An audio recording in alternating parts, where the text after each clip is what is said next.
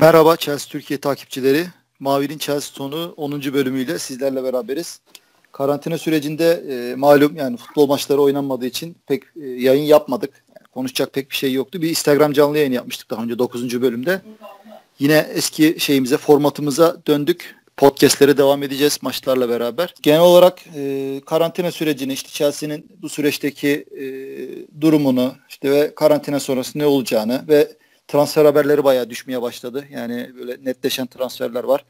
Onları konuşacağız. Değineceğimiz konular var. E, yayında ben Enes, arkadaşım Gürkan ve Oğulcan var bugün. E, hoş geldiniz arkadaşlar. Hoş bulduk merhabalar. Hoş bulduk abi merhaba. Önümüzde Aston Villa maçı var. E, ben direkt oradan konuya gireyim.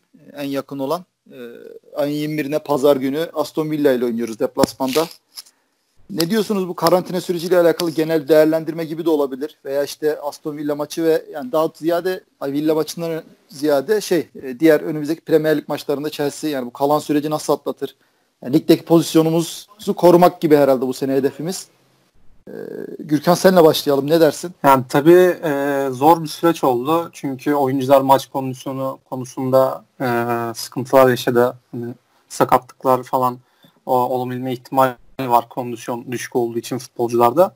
Yani onun dışında e, ya tabii e, şu an mevcut konumumuzu korumak için o adayla bir e, fikstür olacak. E, City maçı var evimizde.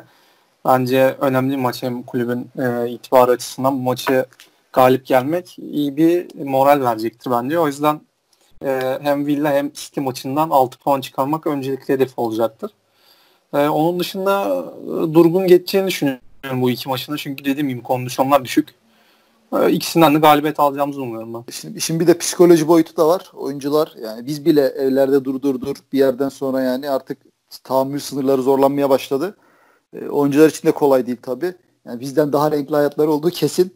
E, yani onlar için de zor bir süreç. Dediğim gibi fiziksel olarak da muhtemelen e, o eski işte Premier Lig temposunu yani çok düşmez belki ama aynısını izleyemeyebiliriz. Sen ne diyorsun Olcan? Abi ben de sizin dediklerinize katılıyorum. Ee, tabii bir süreç olacak yani alışmalar açısından kondisyon vesaire antrenman temposu ama Alman liginde hani Bundesliga'da teknik direktörler hep şunu söyledi yani maç ön sonralarında. Hani o düdüğe kadar yani ilk düdüğe kadar maçın başlama düdüğüne kadar evet hep bir tedirginlik, bir şüphe, bir soru işareti oluyor kafamızda ama o düdük çaldıktan itibaren her şeyi unutuyoruz. Gerçekten maç bitene kadar dediler hep. E, tabii hani sizin dediğiniz gibi antrenman eksikliği, kondisyon düşüklüğü vesaire bunlar maçı etki edecektir ama o düdük çaldıktan sonra da çok e, bunlar akıllarına gelmiyor oyuncuların. O yüzden gene mücadele olacaktır. Yani ilk Hı. maçlarda olacaktır. Ligde de yani yerimiz garanti değil aslında. Yani puan durumunu açtım şu an karşımda. Chelsea 48 puanda hemen altında 45 puan Manchester. Hatta 43 puanla da Wolverhampton'da Sheffield United var. Ee, yani ikisi de e, Manchester asıl bizi alttan zorlayacak takım. Ee, üstümüzdeki 3. sıradaki Leicester'la da 53 e, puanda. Yani 5 puan, puan farkı var. İşte City maçı Gürkan'ın dediği gibi önemli. Yani City maçında alınacak bir galibiyet e, hem moralmen işte hem de e, matematiksel olarak da e, takımın gidişatı için önemli.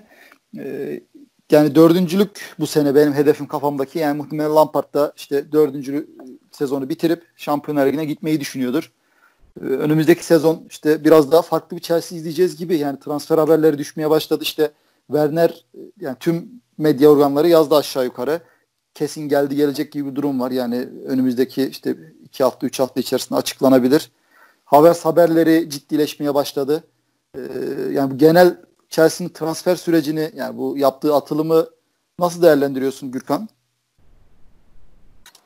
Ee, bence yani büyük bir ivme kazandık bir kere transfer konusunda. Çünkü iki seneye kadar önce e, Stoke City'den Peter Crouch'la falan gündemimize geliyordu. İşte e, onun dışında top 6 dışındaki takımların forvetleri gündemimize geliyordu. Andy Carroll falan. Şimdi Kaya Havertz'ler, Werner'ler, işte David Alaba'lar falan bence büyük bir ivme yakaladı ki bunlar da gerçekleşirse önümüzdeki sene için e, Avrupa kupalarında da olabilir, ligde de olabilir. Bence çok iddialı geleceğimizi düşünüyorum. Yani özellikle Havertz ve Werner transferleriyle e, ileri ucumuz hani çok büyük ivme kazanacak. Yani bu seneye göre. Yani çünkü Pedro'lar, Batshuayi'lerden anda Werner'lere, Havertz'lere çıkmak büyük bir ivme yakaladık takıma. Moral olarak da aynı şekilde. Çok yetenekli futbolcular ikisi de. Onların dışında tabii e, herkesin endişesi klasik. E, hücum hattı okey ama savunma hala eksik. Çok neredeyse çok çok az e, stoper veya sol bek gündemlerimiz var. E, onun dışında diğer gündemde olan hani oyuncular da var. Chilwell gibi olsun, e, Alaba olsun. Benim fikrimce ben Chilwell'in çok fazla uyacağını zannetmiyorum. Bence e, gündemimizde olan hiçbir sol beki de alacağını düşünmüyorum takımın. Belki e, Alaba çok güzel uyar bence Chelsea diye düşünüyorum. Onun dışında öyle söyleyeceklerim. Evet dediğin doğru. Sert yani ani bir giriş yaptı yani. Birden bir çıtayı yükseltti Chelsea. Bunda şeyin de etkisi var tabii. Yani bu transfer yasağı geçti. Daha sonrasında da işte bu geçtiğimiz devre arasında transfer yasağı kalkmasına rağmen transfer yapılmadı. Ve bu süreçte işte kulüp Hazard yani başta Hazard olmak üzere başka oyuncular da sattı. Hep e, kasasına para girdi. E, bunun da etkisi var.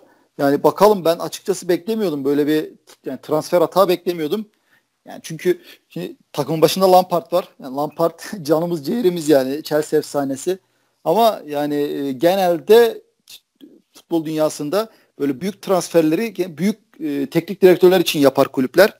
Yani Lampard teknik direktör anlamında büyük bir teknik direktör değil henüz kendini kanıtlamış değil. E, yani bana ilginç geliyor biraz. İnşallah tutar. Yani e, Lampard e, dediğim gibi yani en üst seviyede de e, aynı başarısını sürdürür. Sen ne diyorsun Olcan?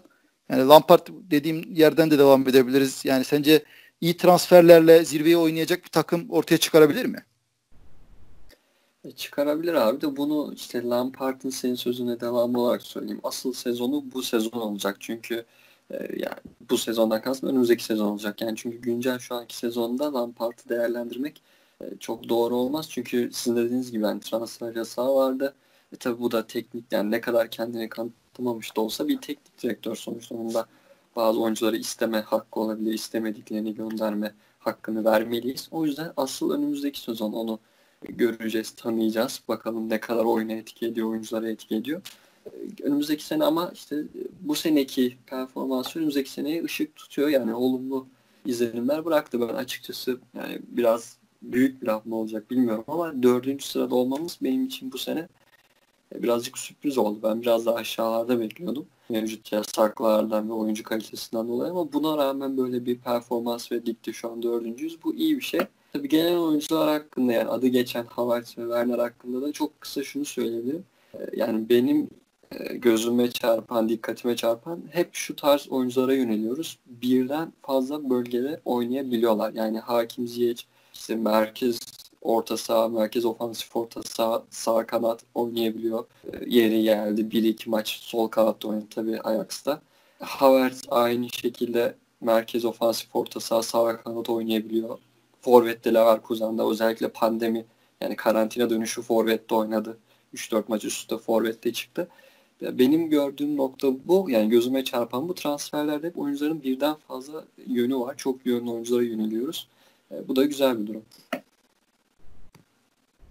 Evet. O var bir de şey noktası da var. Ee, genelde daha atlet oyuncular yani e, fiziken iyi. Yani bir işte gidip de pasör orta saha almak yerine işte daha böyle driplingçi oyuncular, ayağında top tutabilen oyuncular. Yani gerçi biraz da işte şeyle alakalı bu. Daha çok hücum tarafına transfer düşündüğü için Chelsea. Gürkan az önce biraz değindi. Yani defans hattı asıl bizim bu sezon boyunca yani Chelsea'nin sıkıntılı görünen yeri defans hattıydı. İşte hep yediği gol sayısı işte e, defans hattının kötü olmasıyla beraber işte Kepa'nın performansı yani ister istemez birbirini etkileyen şeyler e, bu konuşuldu ama transferde işte e, Ziyech geldi hücuma katkı işte Werner e, gelecek deniyor hücuma katkı ve Havertz konuşuluyor şu an ciddi olarak hücuma katkı aslında bence de yani öncelikli olarak e, yani bekler olabilir yani sol tarafa bir oyuncu olabilir yani Emerson'dan çıkıp bir oyuncu olabilir veya Marcos Alonso'dan çıkıp bir oyuncu olabilir veya işte stoper yani bir e, artık prime döneminde yani zirve performansına ulaşmış hazır bir stoper. Yani madem yüksek bonservisler vereceksek düşünülebilirdi. Ama şimdilik pek oralara girmiyor kulüp. E, gerçi sol için söylenen isimler var. E, Teyes'in ismi geçiyor. İşte Şilber'in ismi geçiyor. Ajax'tan Tagliafico'nun ismi geçiyor. E, ne diyorsun Oğuzcan? Yani Marcos Alonso'nun ayağını kaydırmaya çalışıyorlar. Ya bence sürpriz aranıyor yani tamam ya sürpriz alamıyor bana göre. Çünkü hani savunmaya da hani ağırlık verilmeye transfer ediyoruz da yani sağ bekimiz, kaptanımız ve Reece James var. Rüdiger var. Yani sadece Alonso tamam ben seviyorum o kişisel bir durum da ama şöyle mantıken baktığımızda Alonso var ve Emerson var. Yani ne olursa olsun Alonso şampiyonluk yaşadı. Emerson da kötü yani çok kötü diyeceğimiz bir futbolcu değil. Yani orada da iki tane zaten adamımız var. Yani ya Alonso olsa ya Emerson olsa takviyeyi anlardım. Orada da iki tane adam var. Sağ de var. Rüdiger de var. Zuma ile Christensen'de bir türlü rotasyonu da sağlarsınız. Sadece tek bir ama gerçek kaliteli bir stoperle e, bence savunma halledilebilir yani. Önlerinde çünkü Kante Kovic olacak. Yani çok kötü bir durumda da değil aslında savunma. Tabii benim, benim görüşüm. Ya şöyle bir şey de var. Ee, dediğin gibi iyi bir stoper yani oraya bir e, savunma hattını yönetecek bir stoper getirebilirse Chelsea işte Kolibali ismi konuşuluyor da yıllardır. Yani konuşuna konuşula adam 29 yaşadı. Artık yaşlanacak yani ne zaman transfer yapacak bilmiyorum. Ee, diğer oyuncuların performansını da yukarı çekebilir. Yani oraya bir general stoper gelmesi yani işte beklerin de aynı şekilde yanındaki stoperin de performansını yukarı çekebilir. E, defans hattı bilmiyorum. Çok konuşulmuyor ama yani Lampard'ın ilaki düşüncesi vardır önümüzdeki sezon için. E, biraz da orta sahaya ben girmek istiyorum. Yani Loftus-Cheek özelinde. Loftus-Cheek geri döndü. Yani bu karantina süreci Loftus-Cheek için iyi oldu bir yerde. Sakatlığını tam anlamıyla atlattı. Hatta bugün de işte yapılan e, Reading'de olması lazım galiba hazırlık maçında forma giymiş. E, yani şimdi orta sahada iyi bir Loftus-Cheek yani 11'e girebilecek bir oyuncu. E, merkez orta sahalar için konuşuyorum. Kante var yine orta sahada oynayacak. İşte Kovacic var. E, Jorginho var. E, yani o da yine ilk 11 oyuncusu. E, başka ha, Ross Barkley yine e, pandemi süreci öncesi form tutmaya başladı. Yani biraz sanki orada bir e, kalabalık var gibi. Hadi Mount'u veya işte Ziyech'i daha ofansif yani önde düşünüyorum ama bu oyuncular aşağı yukarı bu saydığım 5 isim e, aynı mevkinin oyuncuları. Yani ne diyorsunuz bunlar arasında kim e, sivrilir, kim forma şansı bulur Gürkan? Yani bence zaten Kovacic e, ta, yani yabancı İngiliz taraftarlar arasında Chelsea'de yılın oyuncusu gösteriliyor. Kovacic zaten muhtemelen e, kesilmez. Yani iyi bir kantede kesileceğini düşünmüyorum. E, yani çeşitli ya zaten İngiltere liglerinde çok fazla işte Konfederasyon Kupası, işte Karabağ Kupası, Lig, işte Avrupa bu çeşit e, zorlu müsabakalarda 3 günde bir 2 günde bir maçlarda böyle kadro derinliğinin olması bence çok avantaj aslında. Yani o oturacak, o oynayacak diye bir durum yok. Yani çoğu hepsi de forma şansı bulur bence.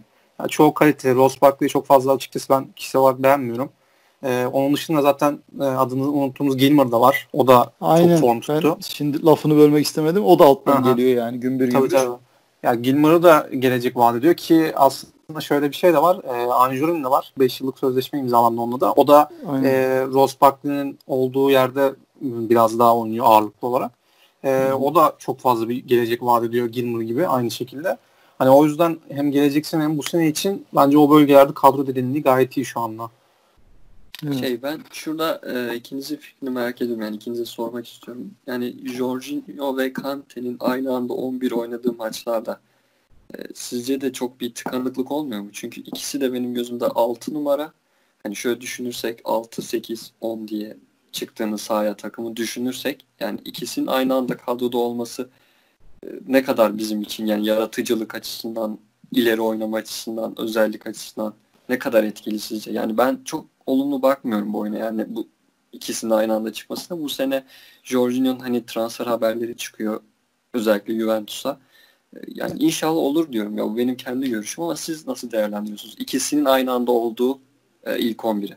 Yani ikisi de dediğin gibi 6 numara defansif orta saha ikisi de. E, ben de katılıyorum olacağını görüşünü çok e, şey bulmuyorum. Zaten Kante sezon yarısında sakattı. Orada e, daha çok Kovacic ile Jorginho ikilisi önünde de Mount şeklinde gördük. Hani tabii bazen rotasyonlar değişiklikler oldu ama e, bence e, dediğin gibi e, Kovacic ile yanında ya Kante ya da Jorginho oynadığında biraz daha e, ofansif olarak verimli e, oynuyorduk.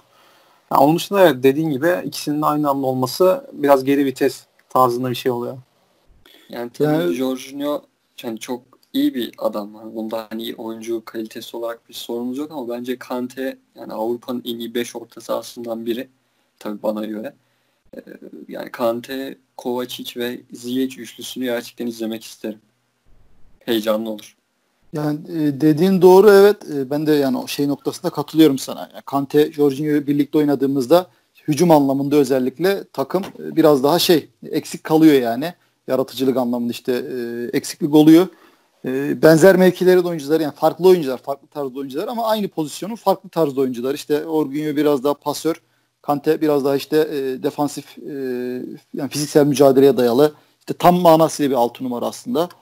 6 numara dediğinde aklımıza gelen asıl ilk Kante tarzı oyuncular. E, bence bu dediğini Lampard da fark etti sezon başında.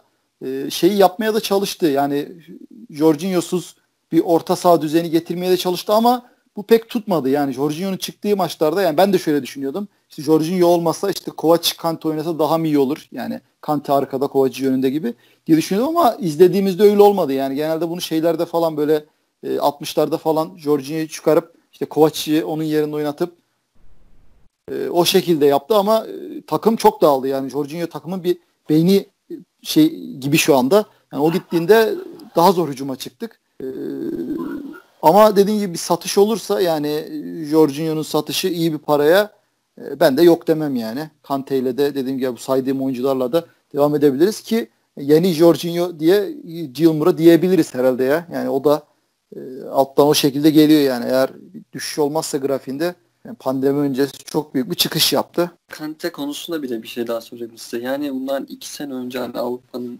belki dünyanın en iyi 5 orta sahasından biri deniyordu. Bu sene çok bir böyle bir şeye düştü. Hani Kante'nin hani eskisi kadar konuşulmuyor gibi diye görüyorum. Hani siz de mi öyle düşünüyorsunuz? Ya bana ya. göre çünkü Kante ile Jorginho arasında tamamen kendi fikrim. Yani dağlar kadar fark var. Yani benim görüşüm.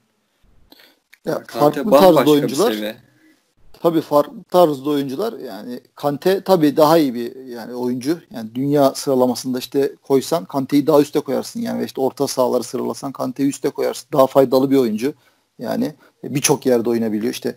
Yani o Jorginho'yu mesela işte orta sahanın her yerinde oynatamazsın ama Kante yani bir şekilde oynar yani. Sarı dönemi oynadı yani sağdan yaldır yaldır koşu atıyordu yani Kante. Ceza sahalarına giriyordu şutlar. Aynen çıkıyordu. öyle. Aynen ceza sahası önünde şutlar işte dediğim gibi işte sağdan deparda attı işte ne bileyim geriden orta, ortadan da yardı ceza sahasına koşu attı. Yani özellikli bir oyuncu yani nereye koy oyna. Yani 11 tane Kante ile de oynarsın. Yani bilmiyorum belki kalede biraz zorlanabilir ama onun harici diğer tüm mevkilerde oynar bence. Ee, yani dediğim gibi iyi bir paraya satılırsa çünkü Jorginho da kötü bir oyuncu değil. Yani pasör orta saha yani kendinin dengi oyuncular içerisinde Jorginho'yu da çok rahat ilk 5'e koyarsın bence dünyada. Ama işte bizim sorunumuz aynı e, yerde oynaması gereken yani en yüksek performanslarını aynı yerde veren iki iyi oyuncumuz var yani asıl sorun o. Yani Kante de işte orada oynadığında iyi performans veriyor. En iyi dönemi işte Conte dönemi. Ee, aynı şekilde Jorginho'nun da mevkisi ora. Biraz işte orada bir çakışma var. Peki abi bir, bir notum daha vardı. Son bir soru size yani görüşünüzü merak ettiğimiz. Ziyech geldiği zaman sizce e, yani forvet arkası dediğimiz on numarada mı oynamalı yoksa sağ kanatta mı? Sizce daha verimli olur. Çünkü bu sene çıktığı maçlar hani Ajax'ta oynadığı maçlara baktığında tam yarı yarıya yani çıktığı maçların yarısında forvet arkası oynamış on numara yarısında da sağ kanat oynamış. Sizce yani bizde hangisine daha uygun olur? Ortada yani e, forvet arkasında kesin bank olarak Mount oynar önümüzdeki sene. Sağ kanatta kullanır. Yani bence de ben de or- orada daha verimli olacağını düşünüyorum. Çünkü yüksek ihtimal Willian ayrılacak. Yani Arsenal ya Tottenham ikisinden birisine gidecek. Yani muhtemelen biraz orayı kapatmak için herhalde Ziya almışlar diye düşünüyorum. Bence sağ kanatta olur ya. ya sağ kanatta yani, olur. Çok yönlü bir oyuncu. Orta sahada olur. Ya her, her açıdan güzel transfer. Bence o biraz şey olacak. Mount'taki gibi olacak. E, Mason Mount'u da Lampard sezon başında önce forvet arkası oynattı. Sonra bir birkaç maç kenarda oynattı. Solda mı galiba? Yanlış olmasın. Galiba solda oynadı. yani ama oyuncu daha iyi performansı işte forvet arkası gibi ofansif ortası olarak verince orada devam etti. Ziyech de deneyecektir bence. E, biraz şey de etkili olacak onda. Yani e, Werner gayet ciddi yazılıyor. Yani geldi gelecek gibi şu anda. E, kesin gözüyle bakılıyor transfer artık. Yani Werner'in takıma katılması durumu da etkileyecektir. Yani çünkü Werner geldiğinde e, Abraham kesilmeyecektir bence. Yani ikisini birden kullanacaktır. Ben Lampard'ın e, yani Mason Mount ve Abraham benim gözümde Lampard'ın iki evladı yani. Bunlardan kolay vazgeçeceğini zannetmiyorum. Ee, öyle olursa şimdi Werner işte bir kenar gibi oynayacak muhtemelen. Ee, diğer kenarda işte Pulisic var. Yani e, onu da muhtemelen kenar oturtamazsın. işte bilmiyorum yani nasıl bir şey yapacak. Ya Abi Mount'u biraz işin- daha geri ç- İşin daha karmaşıklaştırayım biraz. Ee, yayının başında verdiğimiz Havertz transferi gerçekleştirirse aslında nasıl dizilecek oyuncu? Aynen öyle yani bir de onu düşünürsek bilmiyorum Ki Lampard işini Havertz de sol, sol ayaklı bir oyuncu. Yani sol ayağını kullanıyor. Ziyech de sol ayaklı. E, Mount Evet. var, Abraham var, Werner Daha var, Pulisic Hudson Odoi 60 var yani herhalde. sezon boyunca kenarda oturtamazsın Hudson Odoi'yi yani bir e, en az bir 20-30 maça çıkmalı ki yoksa sezon sonu transfere bakar gitmek ister Evet. yani onun için aslında bana şey yani oradan biraz oraya da geçebiliriz tekrar bu Werner Havertz. E, Havertz transferi pek e, mantıklı gelmiyor yani. İşte Lüks olur yüksek abi. bir öyle değil. Aynen öz, yüksek bir bonservis verip şu an Havertz'i almak. Yani Werner'i aldığımızı varsayıyorum. Werner'i aldıysak Havertz'e şimdilik pek gerek yok gibi yani mevcut kadroda. Siz ne diyorsunuz bilmiyorum ama. Bence muhtemelen Bayern Münih Havertz alır. Yani bize geldiğini zannetmiyorum ben. Yani alacağını zannetmiyorum. Zaten Fabrizio Romano en son yani bayağı güvenilir bir kaynak zaten Avrupa'da. En son işte teklif olmadığını falan söylemiş. Yani herhangi bir teklif ulaşmamış falan demiş. Yani bazen genelde böyle tip oyuncuların etiketini, fiyatını yükseltmek için böyle duyumlar ortaya atılabiliyor. Ya daha Yani- çok Brezilya basını falan yapıyor gerçi ama Menajer şirvesi diyorsun yani. Tabii tabii aynen. Ya, genelde piyasa arttırmak için yapıyorlar böyle. Daha çok fazla kulüp de alıyorlar falan. Ve Werner'le alakalı yani konuşacağımız bir şey var mı? Geldi diyebilir miyiz artık? Ya Bernard gelir muhtemelen. Ya zaten onun için de aynı Abi şekilde geldi. açıklamış. Ha, bu buyur olacağız. Yani Abraham'ın yerinde oynamalı direkt. Benim görüşüm. Öyle mi? Abi Onu ben soracaktım direkt ondan sonrasında yani. oynamalı diye düşünüyorum. Geldi diyebilir miyiz? Gelirse işte nerede oynamalı pozisyon olarak? Ya ben e, bilmiyorum. Biraz Abraham'ı seviyorum ben ya. yani özellikle şey bile benim için e, önemli bir şey bu. 9 numara lanetini kırdı yani adam. Chelsea'nin yıllardır süre gelen bir 9 numara laneti var. Yani biz o 9 numarayı kime giydirdiysek bir türlü olmadı o yani. Çok büyük bonservis verdiğimiz adamlar bunun herhalde en şeyi de Torres diyebiliriz yani. Yani istediğimiz performansı vermedi 9 numarayı giyenler. Ee, ben şöyle söyleyeyim. Werner'le Hudson Odoi'nin bence çok iyi bir ikili olacağını düşünüyorum ben. Yani nedense. Yani çünkü Kenar- Hudson. Odoi'yi Hudson Odoi'yi soldan çok güzel yardırabiliyor. Ee, Werner de aynı şekilde aslında Enkunku ile Sabitzer ikilisi. Aynı zamanda yanında da Paulsen oynuyordu genelde. Şimdi sakatlandı. İkisi böyle genelde ceza sahası içine yardır, yardırarak geliyordu. Hani Hudson Odoi de biraz da o yaratıcılık olduğu için bence iyi bir ikili olacağını düşünüyorum ben. Werner'le birlikte. Burada Pulisic açıkta kalacak diyebilir miyiz o zaman? Ya muhtemelen. Ya işte performanslara bağlı. Hani hangisi artık e, gözüne girerse hocanın. Pulisic'te yani şöyle bir şey var. E, Ödenen bonservis var Pulisic'e de. E, o nedenle de biraz işte e, etken yani ister istemez. Şimdi Hudson Odoi altyapı oyuncusu. E, Pulisic'e bir dünya bonservis verildi.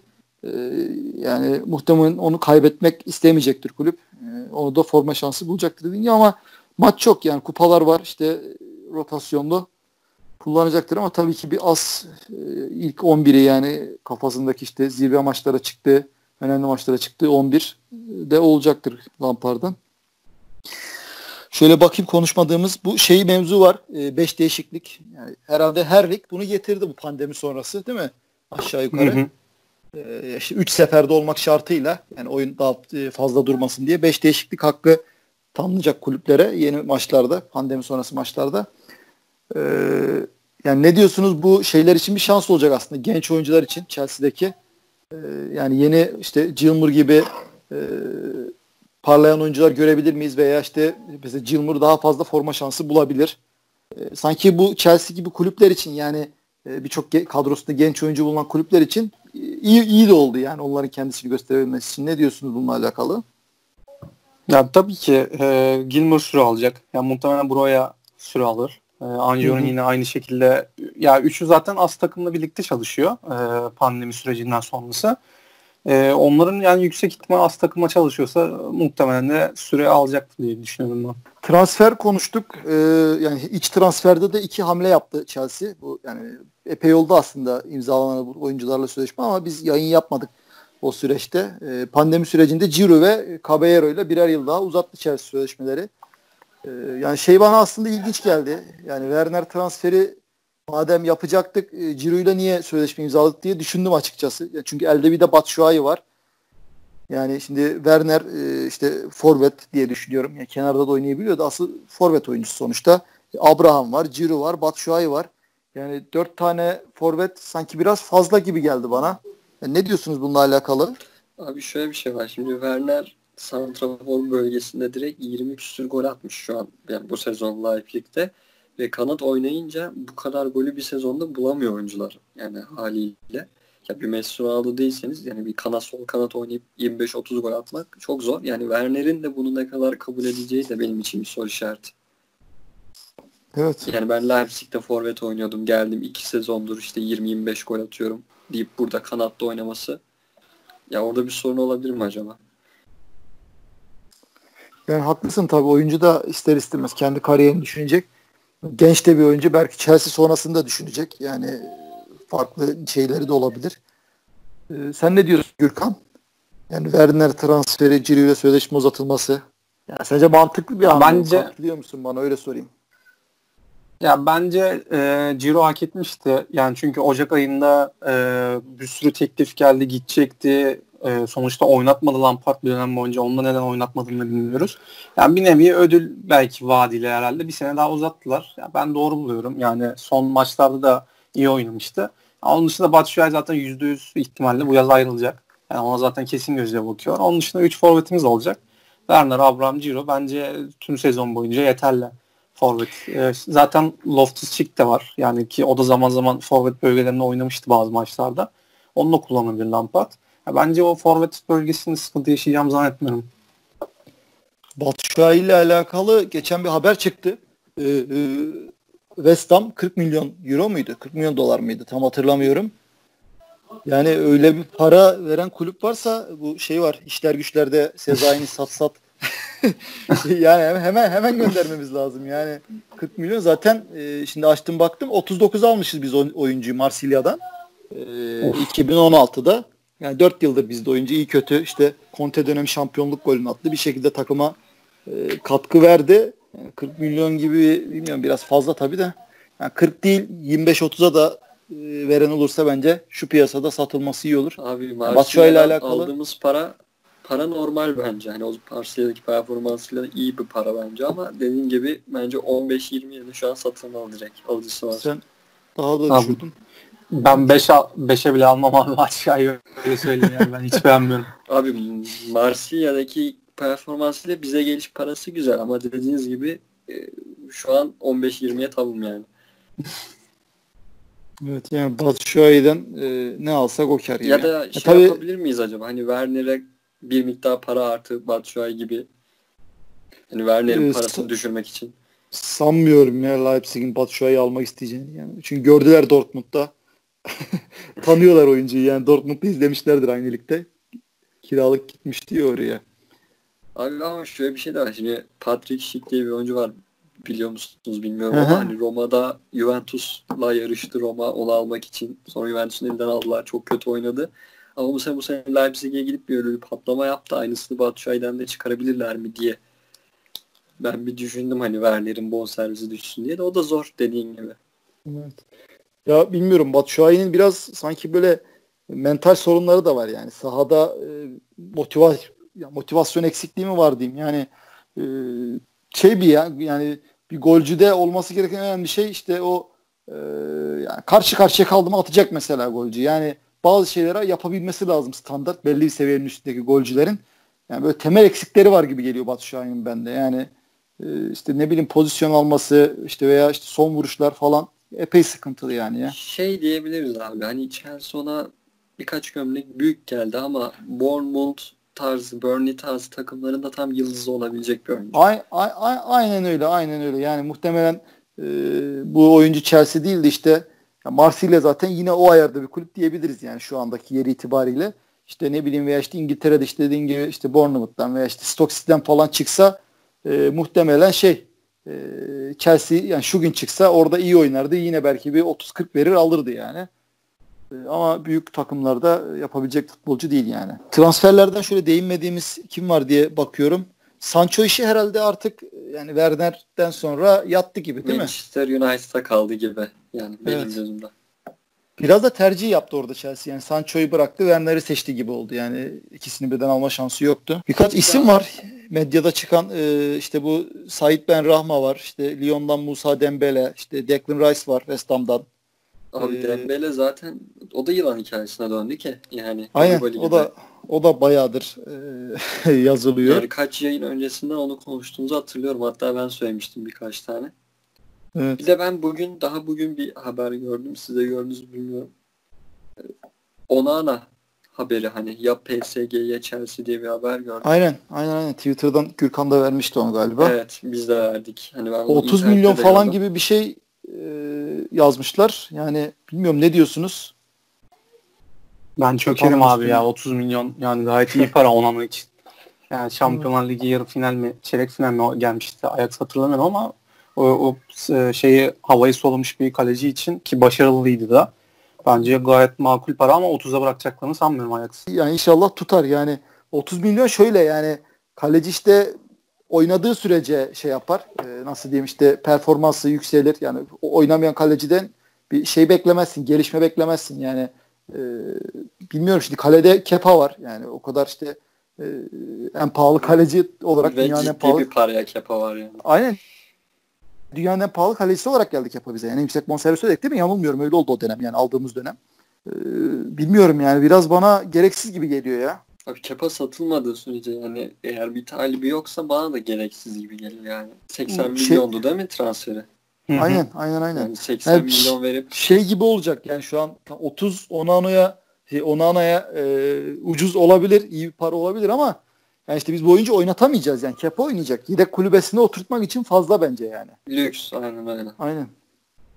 Veya bilmiyorum alıp kiralarsa da gerçi öyle oyuncu gelmek istemez yani.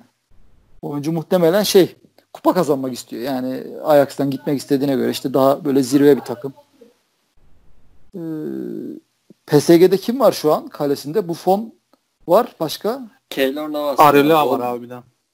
Areola Navas'la Areola bu sene Real Madrid'deydi kiralık olarak. Ar Arelo ama yani bilmiyorum Yani orası sanki Keylor Navas'ı Real Madrid'den alırken Areola'yı da bir yıl kiralık bıraktılar Real Madrid'e. hmm. Yani Keylor işte- Navas'ın yedeği de Fulham'a giden Sergio Rico'yu almışlardı. şey bu sezon e, yani Buffon'un yaşı falan göz önüne alındığında bilmiyorum orası sanki ya ben olan alsam PSG'ye giderim ya. yani bir de şöyle de bir şey var. Ciro'da aynısını söyledim. Sözleşme imzaladık. Verden aldık. E, bir de Caballero'ya niye sözleşme uzattık biz? Yani e, koskoca adamla oyun mu oynuyoruz? Yani 38 yaşında adamla niye sözleşme imzaladık? Madem ona onay alacağız. şu, şu var yani sen dedin ya az önce hani kaleci oynadıkça performans. Yani genç bir kaleciyi yedekte bekletmek çok mantıklı değil. Hı hı.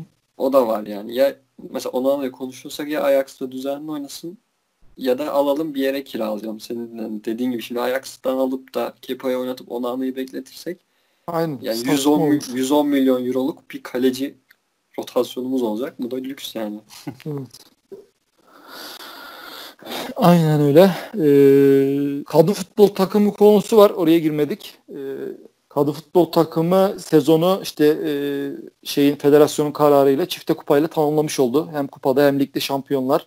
Ee, yani pek yakından takip etmiyoruz işin doğrusu ama ara ara işte e, Twitter'dan haberleri vermeye çalışıyoruz. Twitter'dan, Instagram'dan. Gürkan sana vereyim sözü. Ee, şeyin ekibin kadın futbol e, takımı sorumlusu olarak. Abi kadın takipçilerimiz de var vallahi. Yani çok az bir kesim olsa da yani görüyorum. Aynen, çok az sayıda. Favorilerden falan aynen görüyorum. Ee, kadın futbol takımı e, Ocak'ta bir kupa aldı. Lig e, şey kupasıyla normal şey kupasıydı. Federasyon Konfederasyon, aha, konfederasyon Hı hı. kupasıydı. Ee, onun dışında e, lig kupasında namalup bitirdi. Yani e, hiç mağlubiyet görmedi bu sene. E, zaten e, MIS'de büyük bir çıkış yakaladı kadın futbol takımı. E, onun dışında da 9 numaramız var England e, diye. 24 golle tamamladı. Bayağı golcü bir sezon geçirdi o da. Gol kralı olmuştu zannedersem o da. E, onun dışında yani bence Batshuayi'den iyi bir forvet.